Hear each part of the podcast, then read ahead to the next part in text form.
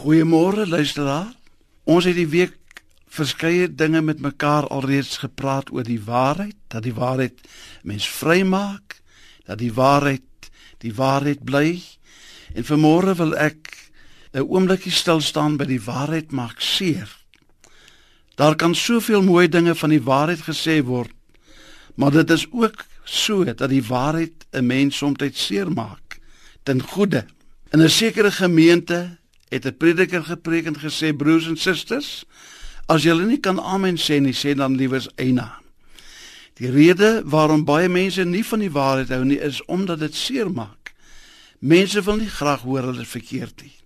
Mense wil nie graag hoor hulle is besig met verkeerde dinge nie. Mense wil nie graag weet van die foute wat hulle maak nie.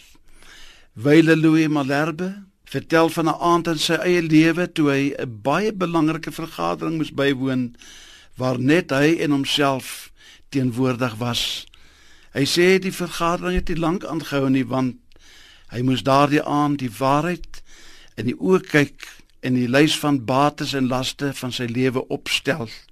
So kom hy toe by die interessante antwoord uit dat hy in werklikheid ten spyte van al sy groot bankrekeninge, sy pragtige motors en huise in werklikheid niks anders was as 'n bankrot miljonair nie.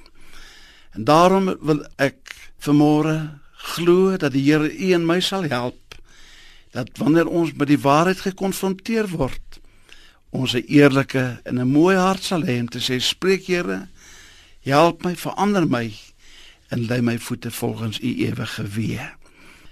Troue en almagtige God, liefdevolle hemelse Vader, help ons en leer ons om u wil te doen. Dankie dat ons in u voetspore kan volg. U wat gesê het ek is die weg, die waarheid en die lewe. Amen.